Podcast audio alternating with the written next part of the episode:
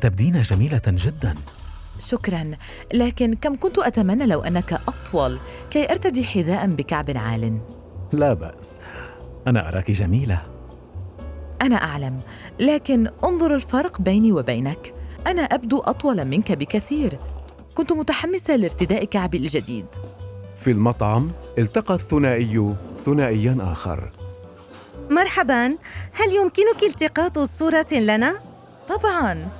واو أنتما لطيفان. بالمناسبة أحسدك على طول قامة حبيبك. شكرا. أتريدان أن أصوركما؟ بالطبع سنحب. لا لا شكرا لا بأس. ما الذي تفعله؟ أتحرجني؟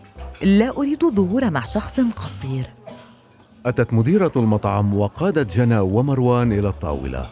تفضلا.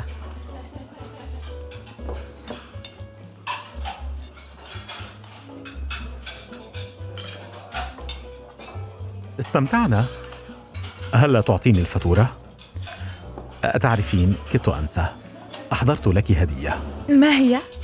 انظري حذاء بكعب؟ لا تحبينه؟ هل هذه مسحة؟ أنت تعلم أنني لن أرتديه معك أنا ضعف طولك أتمنى لو كنت طويلا حتى أرتديه اسمعي الأمر لا يتعلق بالمظهر بل بما هو بداخلي حسنا كنت لطيفا معك وأجاملك. أشتري لك العشاء وأحضر لك الهدايا. أليس هذا ما يهم؟ لا أهتم بكل هذا. حاولت إنقاذ علاقتنا ولم أقدر. انتهينا. إنني أريد شخصا بطولي. انفصلت جنى عن مروان وتركته بقلب مجروح. بعد فترة تخطت الأمر ووعدت رجلا طويلا. بدا كل شيء رائعا في البداية. إلى أن لاحظت أن حبيبها الجديد لا يعاملها مثل مروان. لا يجاملها أبدا. لا يتحمس لرؤيتها. ولا يدفع فاتورة العشاء حتى.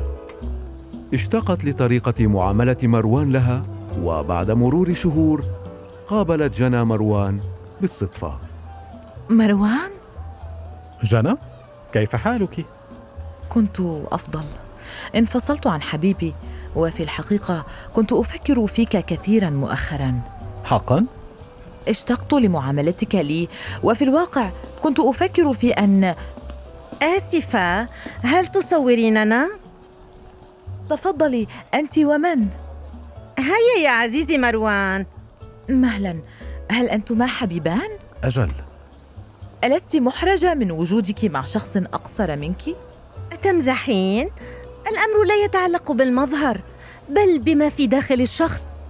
إنه يعاملني كملكة. وبالإضافة الأشياء الصغيرة بيننا ممتعة. أحبك.